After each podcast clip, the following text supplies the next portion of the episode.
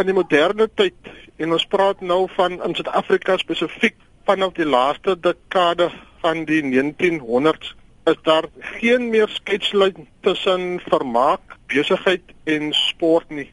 In 1991 het Tony Craig na Suid-Afrika gekom namens Kerry Packer om te kom gesels oor die uitsaai regte vir rugby en cricket en dit was nog voor die finale onderhandelinge tussen die ou Sakkos liggame en die vorige apartheid sport liggame afgehandel was.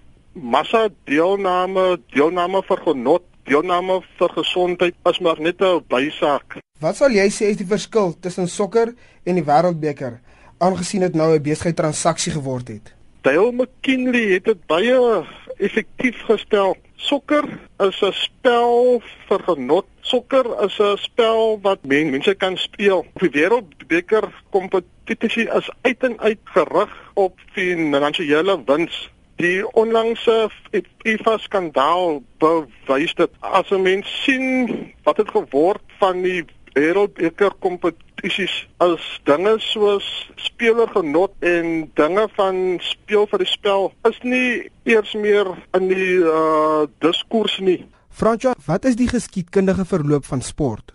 Ja, kyk, 'n mens kan amper sê dat die toestand van professionele sport vandag is nie iets wat 'n mens hier verwag nie. Moderne sport het begin hier in die 1800s toe Matthew Arnold voor 'n dag gekom het om die Britse samelewing op te verdeel in verskillende groeperings in en daardie groeperings volgens hom het hulle sportsoorte gehad en om die belange van die wat hy genoem het die barbarians. Die barbarians was nou die welgestelde in die Britse maatskappy in die Filistyne soos hy hulle genoem het was die werkersklas. Omdat die Filistyne begin belangstel het in die spele en die sportsoorte van jou barbarians weet jy barbarians sekere dinge tot stand gebring. En een van daardie dinge was gewees om sportklubs te begin. So as jou Filistyne nou wil sport speel dan moet hulle dit speel volgens die klubkultuur wat deur die barbarians vasgestel was. Met die verloop van tyd het klubkultuur verval en dit was